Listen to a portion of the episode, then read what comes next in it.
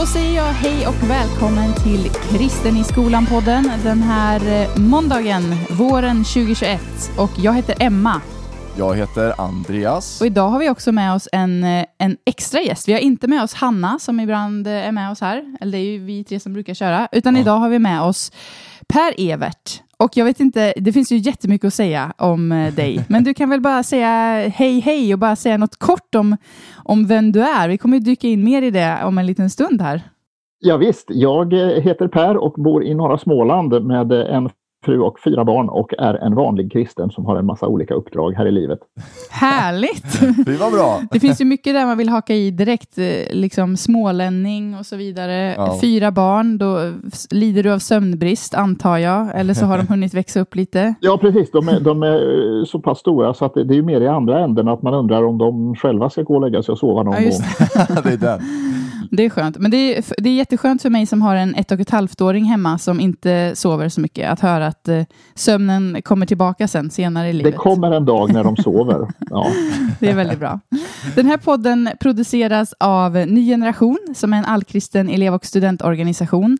Och det som vi sysslar med är att eh, försöka stötta och starta och uppmuntra dig som är ung kristen och går i skolan idag att eh, berätta om din tro på Jesus på olika sätt i din vardag. Och att tro att Jesus vill använda dig mitt i skolan och att du är fullt duglig att bli använd av Gud där du är. Även fast man kan vara ung och oerfaren och, och så. Yeah. Ja, och vill man ha kontakt med Ny Generation så kan man eh, gå in på vår hemsida nygeneration.se. Jag brukar också alltid säga att det kanske är lättare att få tag på oss om man bara skriver till oss på Instagram också. Där heter vi ju Ny Generation och där kan man alltid skriva till oss i DM så svarar vi snabbt och lätt. Absolut. Ja, idag så har vi ett jättespännande ämne. Ja, verkligen. Vi har ju som sagt med oss Per-Evert från Clapham-institutet. Eh, en fantastisk organisation som vi kommer att prata mer om senare också. Per kommer såklart få prata om eh, hans arbetsplats och det han gör eh, för Sveriges kristenhet helt enkelt. Um, och vi har ett avsnitt idag där vi kommer att prata lite grann kring ja, den här konferensen som vi hade i höstas, eh, Får kristna plats i skolan? Vi kommer beröra lite det ämnet. Vi kommer prata lite grann om den rapporten som Clapham släppte i samband med den eh, konferensen. Och lite grann det här med, eh, ja, hur är det att vara kristen i skolan? Vad ska man tänka på när man hör fördomar? Vad ska man tänka på när lärare säger vissa saker, när eh, sina klasskompisar säger vissa saker? Och då är det fantastiskt att ha med sig en expert. Ja. Och det är ingen mindre än Per. Oj, oj, Så det är oj. superbra. Inga Det- små ord här alltså. Det är ju också så att, att, ehm, att ehm, Per och eh, andra är ju, ehm, de är ju såna här eh, pålästa personer som tar fram rapporter och som kan liksom ta del av fakta som finns där ute. Så det som Andreas var inne på här, eh, i höstas så hade vi en konferens som vi kallade för Få kristna plats i skolan, där vi också presenterade då tillsammans med er på Clapham siffror på att många kristna faktiskt känner sig utsatta och kränkta på olika sätt i skolan. Så det ska vi ju beröra också här under det här avsnittet och um, ja, men prata om eh, kanske varför det är så och vad man kan tänka på och ehm, det känns det väldigt, väldigt kul att ha med sig någon som också har gett det här mycket tankeverksamhet och varit med och ta fram mycket bra material för det här, Mm. underlag för det här. Absolut, absolut. Men innan dess, Andreas, så vet Ja. jag ju att du sitter på något som du är väldigt taggad för. Verkligen. Per, så här är det. Jag känner dig lite granna, eh, men de som sitter och lyssnar på den här podden, jag vill ju att de ska få lära känna dig också. Eh, och jag har fått lite inside info av att du är ett Kent-fan. Stämmer det? Man, man måste ha lite dolda talanger och lite dolda fäblesser. där, där har vi en vinkling, ja. Ja, fantastiskt. Så jag tänker att nu när vi drar igång med vårt fantastiska, eh, fantastiska segment Thank God It's Monday! Så tänker jag då Per att du ska få ja, men sättas lite till prov av hur stort Kent-fan är du egentligen? Oj, oj, oj. Oj, oj, oj, oj, oj, oj, jobbigt där. Är det liksom så att vi har så pass unga lyssnare att man behöver säga så här, Kent är ett band? Ja, Eller var det, det, vi kanske ska bör- börja där. Eller att de så att vi inte tänker, vem, vem är Kent? Ja, Per, vi kan börja där. Vem, vem är Kent? Eller vad är Kent? Vem är Kent? Det är den vanligaste frågan de brukar få i, i intervjuer. Varför heter ni Kent? Det, det var ett band, saligen avlidet, som, som slutade sin bana eh, 2016 i december Mm. eh, och numera inte finns. Och man ska ju sluta när man står på topp och det tycker jag de gjorde. De, de, framförallt var de väldigt skickliga på att liksom illustrera i text och musik den här verklighet som det moderna Sverige är i med en, en sekulär individualism där människan har kapat banden till Gud och kapat banden till varandra i mångt och mycket och hur människan upplever sin tillvaro. Jag tycker de fångar det på ett förträffligt sätt. Oj, oj, oj, det låter som att du, du, du går inte med det här, ja, jag diggar soundet, jag gillar beatsen. Ja, men det är båda delar, va? liksom- Det är både musik och filosofi så att säga. Ja, ja det är, är, det, är det liksom kompotten som fångar in dig som eh, Ja. liksom musikgenre? Är det filosofi och musik, då har vi det liksom. det. Nej, men det, det, det, är ett bra sätt att använda musik och konst och litteratur och sådär. Ja. Att ja, förstå Men sin samtid. det är superbra. Jag är lite likadan, fast jag är i hiphop-träsket då. Oj då. Oj då! Det, det är motsatta diken här i världen. Precis. Men jag har samma, jag har samma tanke, filosofi och eh, beats, eller musik. Ja, det. Ja. Det är bra grejer. Ja, men Per, jag tänker att vi kör igång med det här Kent-quizet. Och Så här, hade jag haft liksom en, eh, hade det här varit live och man hade kunnat se någonting och det inte hade varit liksom en podcast, då hade jag lekt lite med ordet Kent-quiz och liksom skrivit Kent Q, eller K-U-I-Z quiz liksom, bara för att göra lite, få till någonting lite Ja, nu har du sagt det. Det, det, det blev ju halvroligt. Men då. Så det, det är mer tanke bakom namnet än vad det låter kanske. Ja. Yes, men det kommer helt enkelt vara så enkelt att jag kommer ställa lite frågor. Och så här, jag har förstått att du är ett väldigt stort Kent-fan, ehm, så jag är lite rädd att jag kanske har lagt det här på en för enkel nivå för dig egentligen. ja, men då slänger vi in lite extra föreläsningar om jag tycker det är lätt. Ja, Men absolut. Det kanske är för svårt också. ja, kanske, jag vet inte. Eh, min, jag ska säga att min, du är en, sån här, ehm, en man som förespråkar att man ska använda källor och sånt antar jag. Ja, det är bra. Ja, det är bra. Härligt. Eh, min källa är Wikipedia. För att jag ska vara helt ärlig och säga att jag inte har stenkoll på, på Kent innan. Eh, Ja, men, även där kan sanningen finnas. Ja, men jag hoppas att jag ska kunna få ge dig en liten utmaning i alla fall. Mm. Yes. Så, kära Per. Första frågan är, varifrån kommer Kent? Eskilstuna. La till med en liten dialekt där. Guld ju. Det är superbra. Kommer alla, om man säger så här, Kent är ju ett band, men kommer alla medlemmar från Eskilstuna? Ja, alltså i- i- inklusive med omnejd. Sen är några från Finland, så de, de har slängt ihop lite svenskar och lite finländare. Mm. Ja men nice. Det har han ändå koll på, den här killen. Alltså, det här, han, kommer, han kommer slakta det här quizet känner jag. Eh, ja, fråga nummer två. Eh, år som aktiva. Vilka år var de aktiva? Ja, det, det, det blir ju 2016 som de slutade. Jag tror att första skivan kom 95, va? Mm.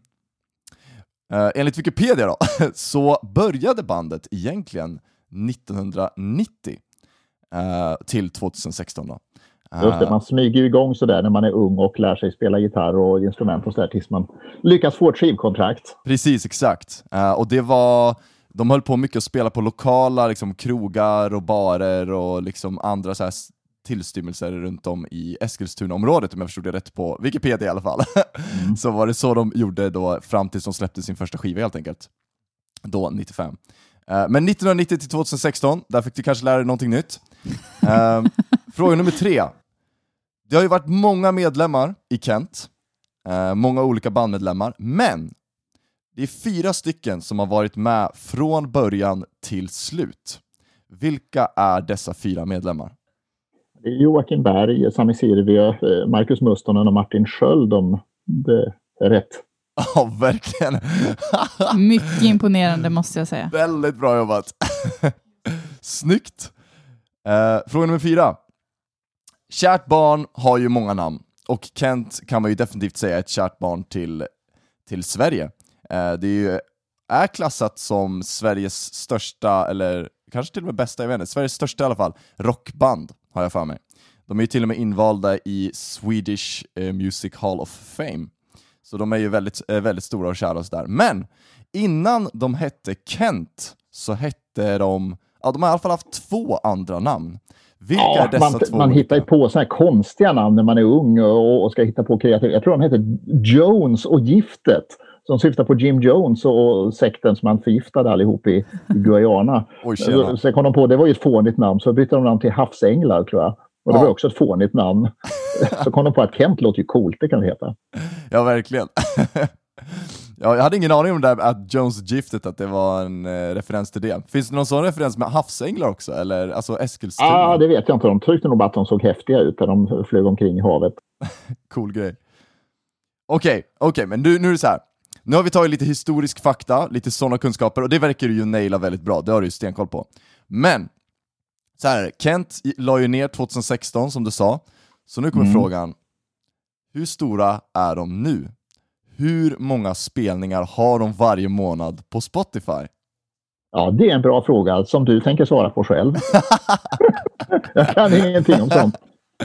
Nej, Lyssnar du på Spotify? Använder du Spotify? Eller så här, känner du Ja, att, alltså jag har, jag har en son, eller flera söner som vill lyssna på musik och då tycker de att vi skulle ha familje-Spotify, så det har vi nu. Men, ah. men det, blir inte så mycket faktiskt om jag ska vara ärlig. Ja just det, jag förstår, jag förstår. Nej, men jag tänkte så här för att om man har en artist som man verkligen, verkligen, verkligen gillar, då kanske man är så lite så här, ah, vi lyssnar på, jag lyssnar på CD-skivorna eller LP-skivorna Ja, till och med, precis. för att det liksom Ja. ska vara lite så här riktigt, riktig känsla så.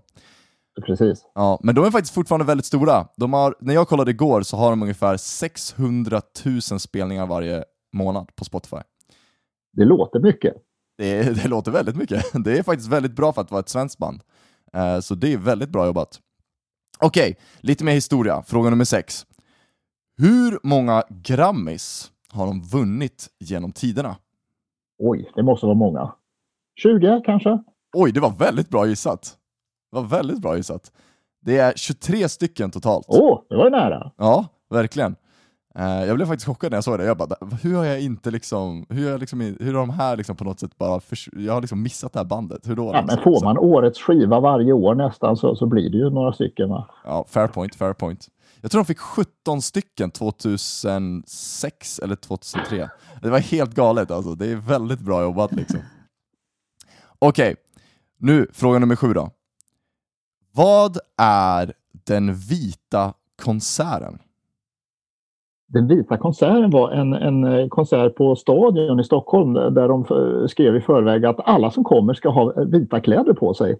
Så då gjorde folk det. Så det tyder på att det är en grupp som har en fanbase som är väldigt dedikerad. Eh, Jag var inte på den konserten själv men, men det, det var många som var i alla fall och alla var vita. Mm. Ja, verkligen. Jag hör, eh, det, är, det är faktiskt väldigt häftigt. Eh, Det är liksom inte så ofta man hör artister göra så, eller vara så dedicated att gå in för en Ja, är konsert kul. på det sättet. Liksom. Så det är väldigt häftigt.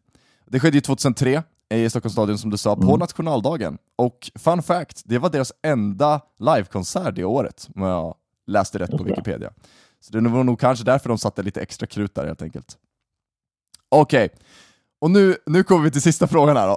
Jag sa till, det, eh, till Emma innan här, Oj, oj. Eh, att så här, jag bara, nu kommer du säkert fact-checka mig här och, och, och liksom rätta mig.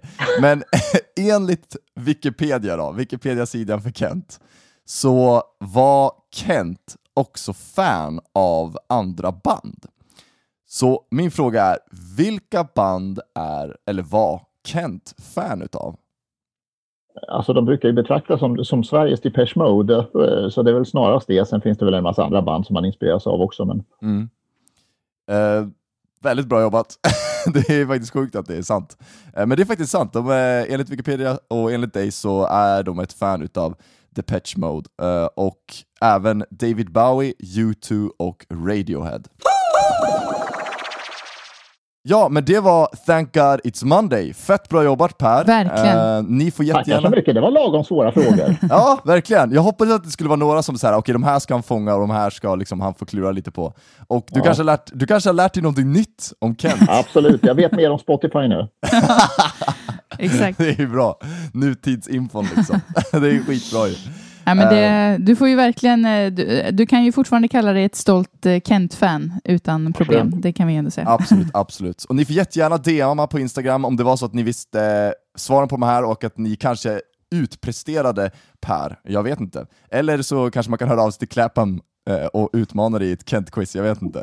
Clapham börjar helt plötsligt få massa mejl om Kent. Det, är det bra eller dåligt? Det vet man inte.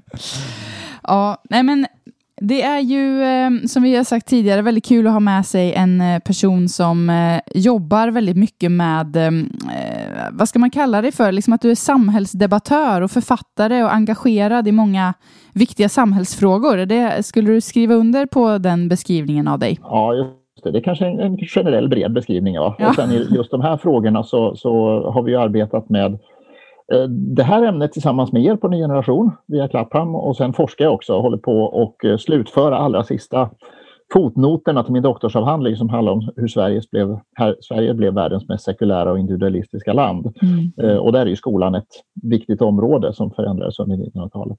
Mm. Just det. Vad är det liksom som, om man ska liksom börja närma sig då vem du är i bemärkelsen, varför har du valt att engagera dig på det här sättet eller hur blev det att du hamnade här? Vad, går, du, vet du själv om liksom, vad var det som fick dig att känna att men jag ska nog lägga mitt liv och mycket tid på, på just de här frågorna? Ja, alltså eftersom jag är en troende kristen själv så växer man ju som, och upplever hur det är att vara en kristen i skolan när man själv är ung. Och sen har jag arbetat som lärare i många år också. Nu är första året som, på senaste ett och ett halvt år som jag inte haft någon egen undervisning på, på gymnasienivå eh, eller på komvuxnivå. Eh, nu undervisar jag på Linköpings universitet eh, på, på en distanskurs. Men, men annars så har jag mött det här samspelet mellan, mellan elever och lärare på olika sätt. Och många elever är troende. Många som man möter nu på, på ett helt annat sätt än när jag började som lärare eh, är muslimer och då kommer det in en helt annan trosdimension än vad man själv varit van vid. Eh, men det finns också många elever som är kristna som inte alls är lika frimodiga med sin tro som jag upplever faktiskt att muslimska elever är. Och det är också en intressant fråga. Och sen i min forskning då kommer hela den här bakgrunden som funderar över varför blev det så här? Hur kom det sig att vi fick den här kulturen i Sverige som är så pass annorlunda än i faktiskt nästan alla andra länder i världen? Mm. Och det där tycker jag är en, en, bara för att liksom stryka under det så här i, i början också, att, att um, i, när, man, när man bor i Sverige så är det ju lätt att man tänker att så här som vi har det, så är det överallt. Liksom, att mm. det här blir den verklighet som man tänker råder överallt. Men mm. att man faktiskt kan säga också att, som du var inne på, att vi är lite unika på det sättet i Sverige. Att det är så otroligt um, individualistiskt och uh, sekulariserat. För det, det tycker jag själv kan vara en, en tröst ibland, de där dåliga dagarna när man kan känna att man kanske har svårt att tagga igång eller känner sig lite missmodig och känner sig missförstådd och så. Att man då mm. kan zooma ut och tänka att i, i andra delar av världen så, um, så kanske det inte är så här och det kanske finns fler perspektiv där ute i världen som, ja, som säger någonting mm. annat än bara min lilla verklighet här i Sverige. Mm. Ja. Mm. Eh, vi brukar ju betrakta oss som landet, Sverige landet lagom och det är vi ju verkligen inte. Vi är landet extremt eh, värderingsmässigt långt ut i ena hörnet. Mm. Utan om vi känner att uh, vi har svårt att anpassa oss till landet lagom och, och, och, landet normal så kanske det, kanske det är du och jag som är normala och mm. Sveriges kultur som har dragit sig ut i en väldigt, väldigt udda position. Mm. Precis. Men hur var, om man tänker tillbaka då, du sa ju själv där att du är troende och har mött olika typer av reaktioner genom ditt liv i skolan och som lärare och så. Vad, eh, hur, hur var du som tonåring? Hade du lätt för att stå upp för din tro i bemärkelsen berätta om den för andra eller vara öppet kristen? Eller upplevde du att det var eh, jobbigt liksom? Det var en bra fråga. För jag, för jag insåg när jag började gymnasiet, ni, ni, vet ju hur det är när man börjar gymnasiet, då är det en ny skola, det är nya kompisar, helt ny miljö, ingen vet vem man är. Mm. Och, och, då måste man på något vis fatta ett aktivt beslut i att förr eller senare berätta vem man är. Och jag kommer ihåg, jag gjorde det, jag tror det var när vi hade gått två veckor eller något sånt man hade någon övning där man skulle rita någon teckning eller man skulle på något vis visa vem, vem man är. Och, och, och, då såg, insåg jag att nu, nu, är ju tillfället i alla fall som jag måste på något vis förklara att jag är en kristen. Mm. Och, och, det blev en väldigt konstig reaktion kommer jag ihåg. För, för då var det två och två som jobbade ihop och, han som skulle redovisa ihop med mig, han hade inte läst igenom min text innan. Och jag hade väl gjort mig känd som lite spelevink och lite skojig sådär första, första två veckorna. Mm. Och sen när han läste igenom allt så, vad som jag beskrev om mig själv och så avslutningsvis och så är jag kristen. För det tänkte jag, det måste jag ändå uh, säga här så folk vet. Och då utbröt ett asgarv i klassen. Det var lite konstigt, det var lite oväntad reaktion. För de tyckte att det här är ju en sån här skojkille, han skojar säkert nu också. Men sen såg de att jag inte skrattade så då insåg de väl att jag inte skojade. Men jag tror att det är ganska, ganska betydelsefullt att, eh, att på något vis tidigt berätta vem man är. För annars är det svårt kanske att hitta ett, ett självklart tillfälle.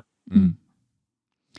Var det, om man tittar då på på det som du har kommit fram till i din forskning och, och, så. Nu är det ju väldigt mycket och väldigt brett så det är kanske svårt att, att svara på liksom, eh, bara så här i en kort eh, fråga. Men men är det någonting som har liksom stuckit ut som du tycker har gripit tag i dig extra? Liksom? Är det någon, eh, när du liksom började titta på Sveriges sekularisering och eh, nu tänker jag framförallt då på den eh, rapporten förra året där om, om elevers mm. kränkthet i skolan och så. Var det någon siffra som stack ut som verkligen grep tag i dig eller som du kände att så här, oj, är det, är det på det här sättet eller som, som fick dig att, att reagera på något särskilt sätt? Ja, alltså Sveriges kristna råd kom ju med en, en, rapport ett halvår före oss och de satte upp saker i siffror. Mm. Uh, och jag, jag, tycker egentligen inte att sifferantalet är det jätteviktiga, för det kan man tycka, det beror lite grann på hur man ställer frågan eller hur man upplever det just den här dagen. Uh, utan det som jag tycker egentligen var viktigare var när vi hade det här uh, seminariet kring rapporten på den här konferensdagen som vi hade i höstas. Mm. Då hade vi med en, en forskare som heter Karin Kittelman-Flensner som skrev en avhandling som inte främst handlar om siffror utan egentligen beskrev den kultur som hon upplevde i alla religionsklassrum som hon besökte. Mm. Nämligen att kristna elever drog sig tillbaka och, och, kände att kulturen var så starkt kritisk och fientlig mot religion i allmänhet och kristen tro i, i synnerhet. Så att man liksom band in sig och vågade inte bekänna färg i helklass. Och det tycker jag var det, det, mest bekymrande. När det gäller dagens situation, själv tittar jag på den historiska utvecklingen i min forskning mm. Eh, om hur det blev så här. Men, men jag tyckte att den forskning som hon har gjort var, var, så viktig därför att den satte ord på den situation som jag tror att nästan alla av oss upplever som har växt upp som kristna i skolan i Sverige. Mm. Mm. Och där, vi känner ju också till, eller liksom känner ju igen det ibland från när vi träffar skolgrupper eller pratar med ungdomar och så, att, att den, den brottningskampen ju verkligen kan finnas, eller ofta så är det ju det när man pratar om vad man tycker är svårt i skolan, kanske med att vara mm. kristen, mm. så är det ju ofta mm. det som dyker upp, att man är, eh, känner sig på förhand dömd av läraren eller att folk har fördomar om en i klassrummet eller liksom mm. att eh, Eh, ja. Mm. Så, att, så att jag tror många, många kan nog relatera till det. Mm. Går det att bli liksom konkret och tänka då så här, ja, vad, vad ska man som ung kristen bära med sig vid de situationerna? Liksom? Vad, vad kan man tänka på för att fatta mod eller för att känna att man får vara där? Liksom, hur ska man börja närma sig det här problemet, tycker du? Mm. Det, det, är två sidor på det där. Det ena är rättighetssidan, att vi mm. har eh, en rätt att ha en tro, att utöva en tro, att bekänna en tro. Det har mm. vi i alla sammanhang. Eh, även om kulturen är stängande, som den är i Sverige. Det är det ena. Eh, och det andra är ju att på något vis så ligger det också i trons natur Eh, och det lär Jesus sina lärjungar också, att nu skickar jag ut er här till de olika byarna och, och göra era uppdrag och förkunna evangeliet och, och, och, leva era vanliga liv. Och då kommer ni att möta motstånd. Det ligger liksom i den kristna trons natur. Samtidigt som vi har en, en lagskyddad rättighet att ha religionsfrihet. Eh, så att där är uppdraget att veta att vi, vi, kan förvänta oss att alla kommer inte att applådera om vi berättar att vi följer Jesus. Mm. Eh, men, men, då vet vi också att Jesus ger en inspiration eh, och förklarar för lärjungarna att det är alltid värt priset ändå. Därför att mm. skatten jag har är så mycket större än det som ni kommer att uppleva som, som, ni kommer att uppleva som är jobbigt. Mm. Jag tänker, det där är ju verkligen en, en, en viktig poäng, liksom den, vad som säga, den tensionen som finns där mellan de två mm eh, olika aspekterna. Jag tänker så här, som ung troende i skolan, hur, hur kan man ta in de två och liksom applicera, applicera det i sitt liv, liksom, eh, i den vardag som, som man lever i? Liksom? Hur, hur kan jag ta in så här att jag vet att jag kommer möta motstånd, men samtidigt så har jag full rätt från mitt samhälle att, att bära den tro jag har liksom, och finna liksom en, en, en, en vila i det liksom, i, den, i den vardagen när man kanske möter mm. fördomar, när man kanske möter en kultur som inte uppmuntrar till den rättighet som jag har att bära min tro. En kultur som inte liksom upprättar den rättigheten. Mm. Hur, hur kan man tänka då? Har du några liksom tips and tricks? Eh, hur man kan ja, tänka? Men det där är ju de två spåren också. Om det skulle bränna till så att säga, om man upplever att någon säger eller gör någonting som faktiskt känns eh, förnedrande och orättfärdigt mot en som människa för att man är en kristen och, och, står för kristen tro och kristna värderingar. Mm. Då har man ju rätt att tala med den som är ansvarig i skolan, ens lärare eller ens rektor eller, eller så för att då har man ju rätten på sin sida. Alla har rätt att ha sin tro, att uttrycka den. Mm. Eh, alltid. Det, det, är liksom en grundlagsskyddad rättighet. Mm. Eh, det är ju det ena. Och det andra är ju naturligtvis att för sin egen skull att, att hålla sig nära Jesus. Eh, det gäller ju för alla människor, om man är ung, om man är gammal, om man är i yrkesliv eller i studier. Om man håller sig nära Jesus och låter honom forma ens hjärta eh, och ens liv för mm. varje dag, då, då hamnar vi förhoppningsvis mer rätt än om vi lutar oss mot något annat centrum. Mm. För jag tänker när du gick ut och sa att du var kristen och troende i, i, i, din, i din klass, liksom, eh, mm. mötte, du, mötte du motstånd då? Liksom? Jag tänker, de skrattade liksom i det, det där just den, den stunden och så, men jag tänker liksom, sen var det ju tre år av att lära känna mm. de här människorna i gymnasiet. Var det så att du upplevde att du mötte något, något sånt typ av motstånd från dina klasskamrater? Och i så fall, hur fick det dig att känna och hur reagerade du? Ja, varken mer eller mindre än någon annan skulle jag tro. Men, men det, då hade jag i alla fall en, en identitet utpekad så att säga. Okej, okay, mm. vi vet att det är han som är religiös. Eh, och då kunde man kanske få någon släng i kommentar från någon klasskompis eller från någon lärare också mm. eh, för den delen eh, någon gång. Men, men eh, det, det, kunde jag överleva. Det som var lite märkligt kom jag på efter, efter något år, för då var, fick jag via om, någon omväg veta om en klasskompis som sa också var kristen och med inom församlingen i en, i en annan plats. Mm. Uh, och det hade inte jag märkt överhuvudtaget. Uh, och det där blev, jag funderar mycket över det där. För det mm. kanske var så att hon borde ha sagt tidigt uh, under klasstiden liksom, att hon var en kristen. Och när hon inte gjorde det, då, då fastnade hon. Liksom. Och, mm. och, det blev aldrig att det blev sagt. Och det, det blev aldrig att den identiteten blev uttryckt. Mm det blev kanske till en större grej och ett större hinder än vad, man, än vad det initialt var från början. Liksom. Ja, precis. Mm. Jag, är, jag är så nyfiken på det här eh, som du nämnde nu, då, den här, det som du skriver din doktorsavhandling nu med hur Sverige, hur vi har hamnat där vi har hamnat och så. Mm. Och igen så förstår jag att det är väldigt eh, stora frågor, men, men jag tänker på det här som du var inne på med rättigheter. Du sa att vi har rätt att utöva vår tro i det här landet. Vi har religionsfrihet i det här landet och yttrandefrihet och, och sådär. Och um, en sak som ju i alla fall eh, vi ibland upplever då i kontakt med ungdomar är ju att eh, rektorer och lärare och vuxna på skolan inte alltid verkar förhålla sig till det på ett mm. sunt och bra sätt. Och då tänker jag framför allt på det här att eh, skolan ska vara neutral och objektiv och eh, liksom utan konfessionella inslag och så vidare. Mm.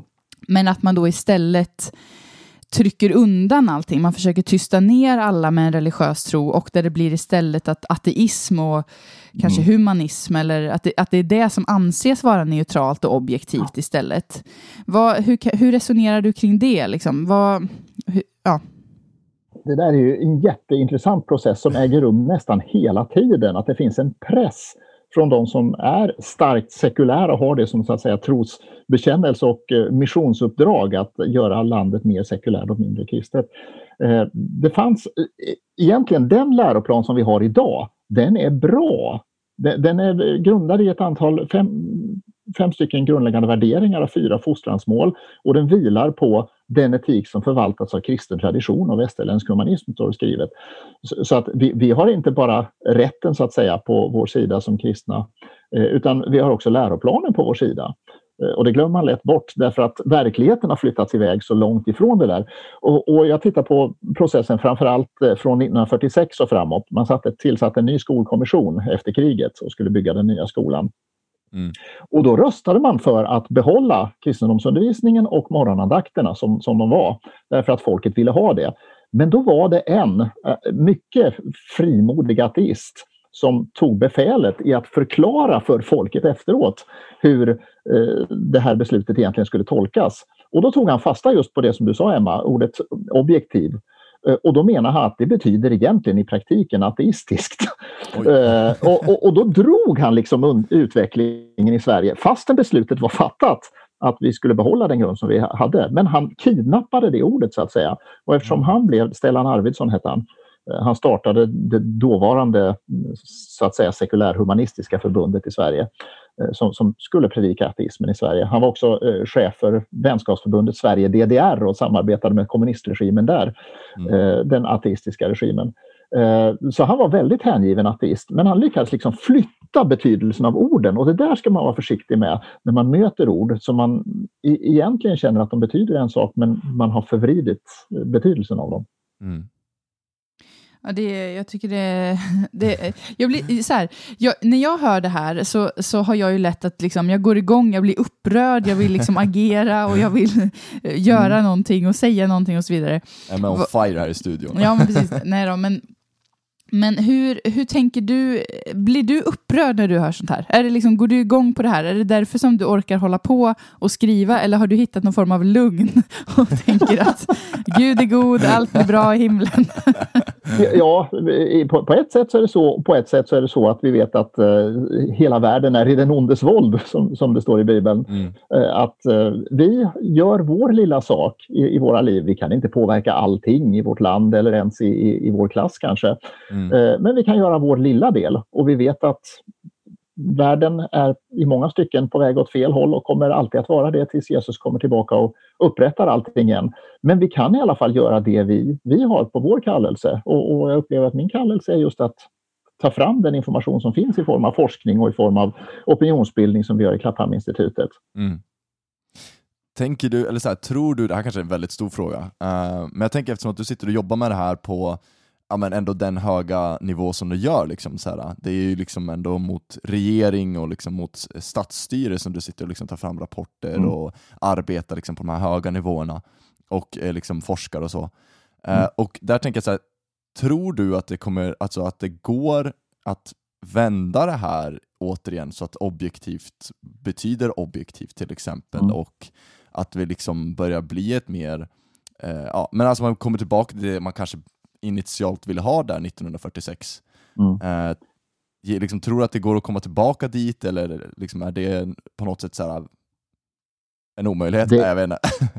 det är ju en atlantångare att vända, ja. eh, att, att vända en kultur i ett land. Mm. Eh, och man kan känna sig väldigt liten och känna att det är nästan omöjligt. Och det, mycket saker kommer man inte att kunna förändra. Men om man då tänker på just de här få personerna som mm. vände Sverige i sekulär riktning, de var inte så många. Men mm. de var väldigt målmedvetna. Och genom att några få personer kunde dra Sverige bort från Gud, då kanske man kan vända på tanken att tänka att några personer kanske kan hjälpas åt att dra Sverige tillbaka till Gud igen. Mm. Det där är ju mäktigt. Mäktiga ord alltså. Det är hoppfullt. Det är verkligen. Det är verkligen. Men också det som jag, som jag tycker du sa så bra eh, och var inne på att, att eh, tänka att man får göra sin lilla del också. Att man mm. kan börja där och eh, börja tänka att hur kan jag hur kan jag kanske vara en positiv kraft för min kompis eller hur kan jag dela med mig av min tro för dem i min närhet eller um, det här med att, att leva ett kristet liv mm. idag blir ju väldigt mycket som att predika liksom, med, med sitt liv och sina handlingar och, eh, och så. Så det, jag, jag bara skicka med det till alla unga som lyssnar att mm.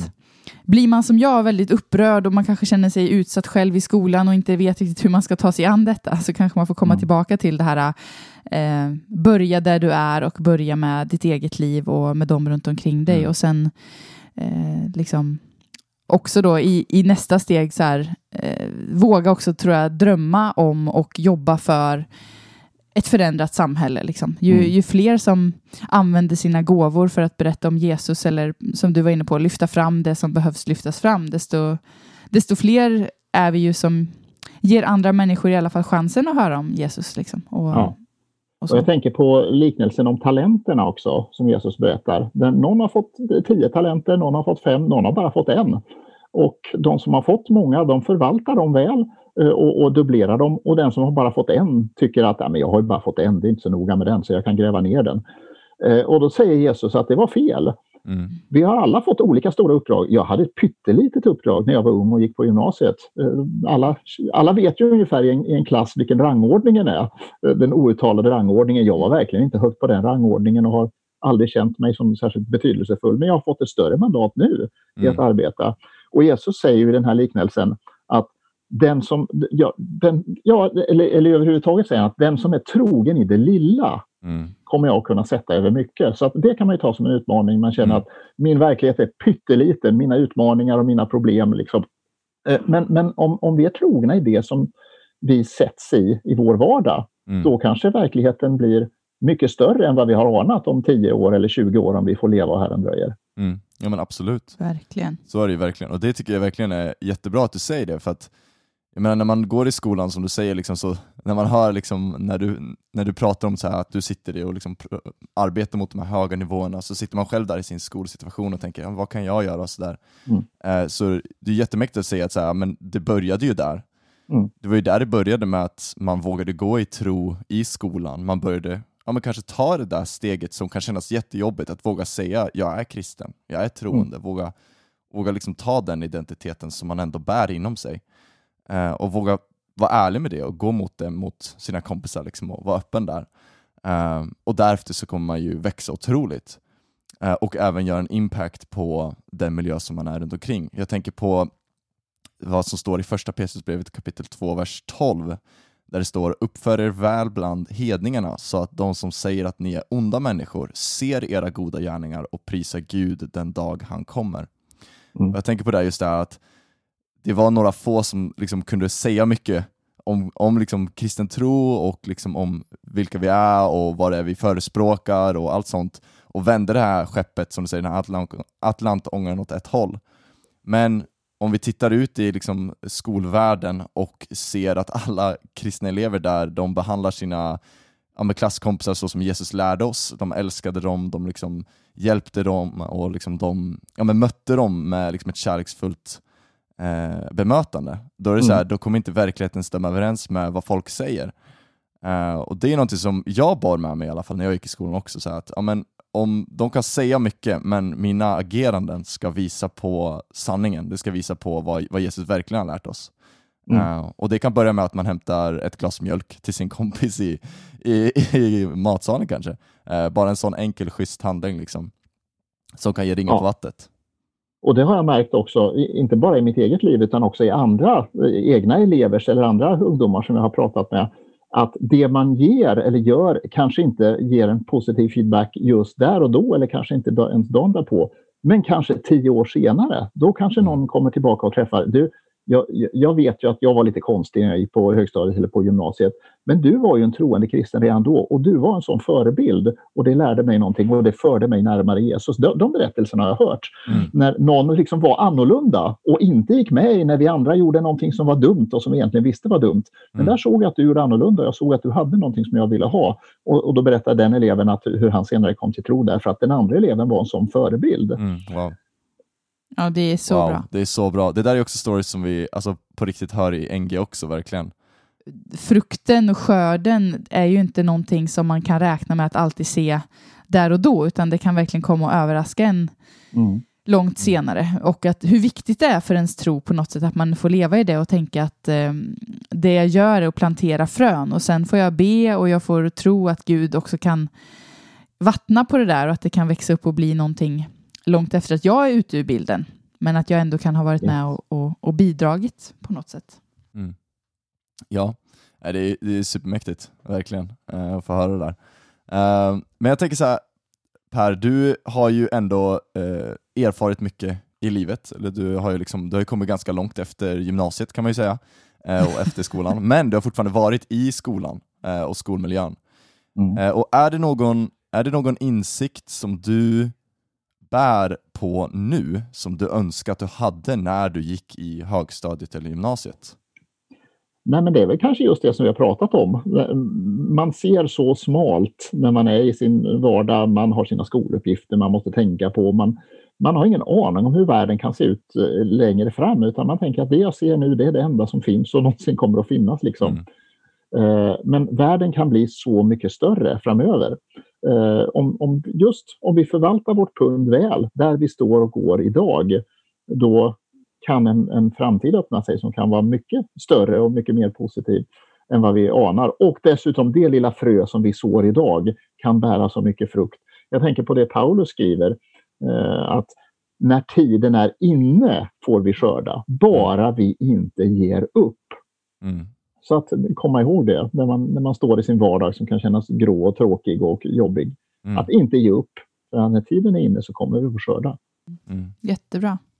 Vi ska väl börja wrappa upp här i vårt samtal. Ehm, men jag tycker också att det är så viktigt, vi, det här um, som vi berörde för en stund sedan, att, att bara poängtera till, till dig som är ung och kristen och går i skolan, att du, du har rätten på din sida att vara öppet kristen och att utöva din tro. Och att det är, eh, ibland så är det lätt att man tror att det är något man ska dölja.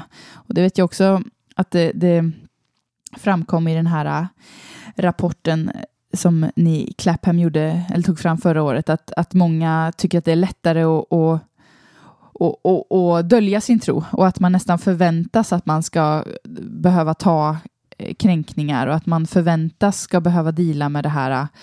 Um, och det, um, jag vill bara liksom stryka under att, att uh, du inte behöver dölja din tro för för någon annans skull, utan att du får vara kristen. Att du får vara öppet kristen.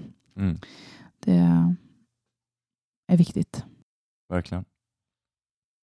Ja, superbra. Tack så jättemycket Per för allt som du har delat. Tack så mycket. Fint samtal, roligt att få vara med. Ja. några, uh, any, any last words eller famous last words? Verkligen. Jag tror att ni hittade, vi, vi har täckt det viktigaste, så, så knyt ni ihop på det bästa sätt som ni kan. Tack så jättemycket. Är det någonting som du vill tipsa om Per? Är det liksom uh, den, din doktorsavhandling och så? Den som vill läsa den här rapporten kan gå in på klapphaminstitutet.se mm. klapphaminstitutet.se och klicka på rapporter. Då ligger den där, den som heter Kränkt för sin tro, så får man det här sammanhanget. Mm. Eh, sen hoppas jag att jag ska kunna lägga fram min avhandling som är på engelska, därför jag tycker att andra länder behöver lära av det svenska exemplet. Mm. Om man vill gå den svenska vägen eller om man inte vill det, och det kan vara hända att flera ja. länder inte vill gå samma riktning som Sverige. Eh, och sen eh, är planen att jag ska ge ut en lite mer populariserad bok på svenska, som inte är det i det här fyrkantiga forskningsformatet. Mm. Så att många kan ta del av hur gick det egentligen till när Sverige blev så här. Wow. Spännande, det ser vi verkligen fram emot att läsa. 100%. Så in och kolla det som redan finns och sen mm. får ni hålla utkik efter det som eh, Per kommer eh, släppa här så småningom. Precis. Det är ju det är, ja, jag tycker det är jätte, jättekul att du vill vara med. Verkligen superstort tack för att du ville gästa NG-podden och mm. ge dina kloka tankar och uppmuntrande tankar. Jag, tycker, jag, blir alltid, jag får nytt hopp alltid när jag mm. hör någon som kan resonera om de här sakerna på ett sakligt och hoppfullt sätt. ja. Att det inte bara blir att det blir massa eh, känslor som jag sitter och, och, och känner. Ja. ja. men vi hjälps ju åt. Ja. Vi, vi, gör alla våra olika delar i uppdraget och ni gör er del och det gör ni jättebra och det är vi tacksamma för. Tack, Tack för det. Per. Uh, ni kan också gå in på, vi har ju en hemsida tillsammans, faktiskt. Uh, vi, både vi som gjorde den här konferensen för Kristna plats i skolan, uh, där man kan finna väldigt mycket resurser just kring ämnet Får kristna plats i skolan. Den heter kristeniskolan.se. Där uppdateras det ja, kontinuerligt med information och liksom om artiklar och sådana saker också, om man vill gå in där och se mer på det här ämnet också. Självklart. Mm. Mm. Men vad grymt. Då ska vi säga tack till alla er som har lyssnat och som vanligt så kan man alltid söka upp Ny Generation som jag sa på vår hemsida nygeneration.se eller via vårt eh, Instagramkonto. Och eh, det, får bli, eh, det får bli de sista orden för den här podden. Mm. Ja. Det blir det. Sy Syns nästa vecka tänkte jag säga. Vi hörs nästa vecka. Vi hörs nästa så vecka. Så blir det ännu ett avsnitt av Kristen i skolan-podden. Ha det så fint tills dess. Hej då!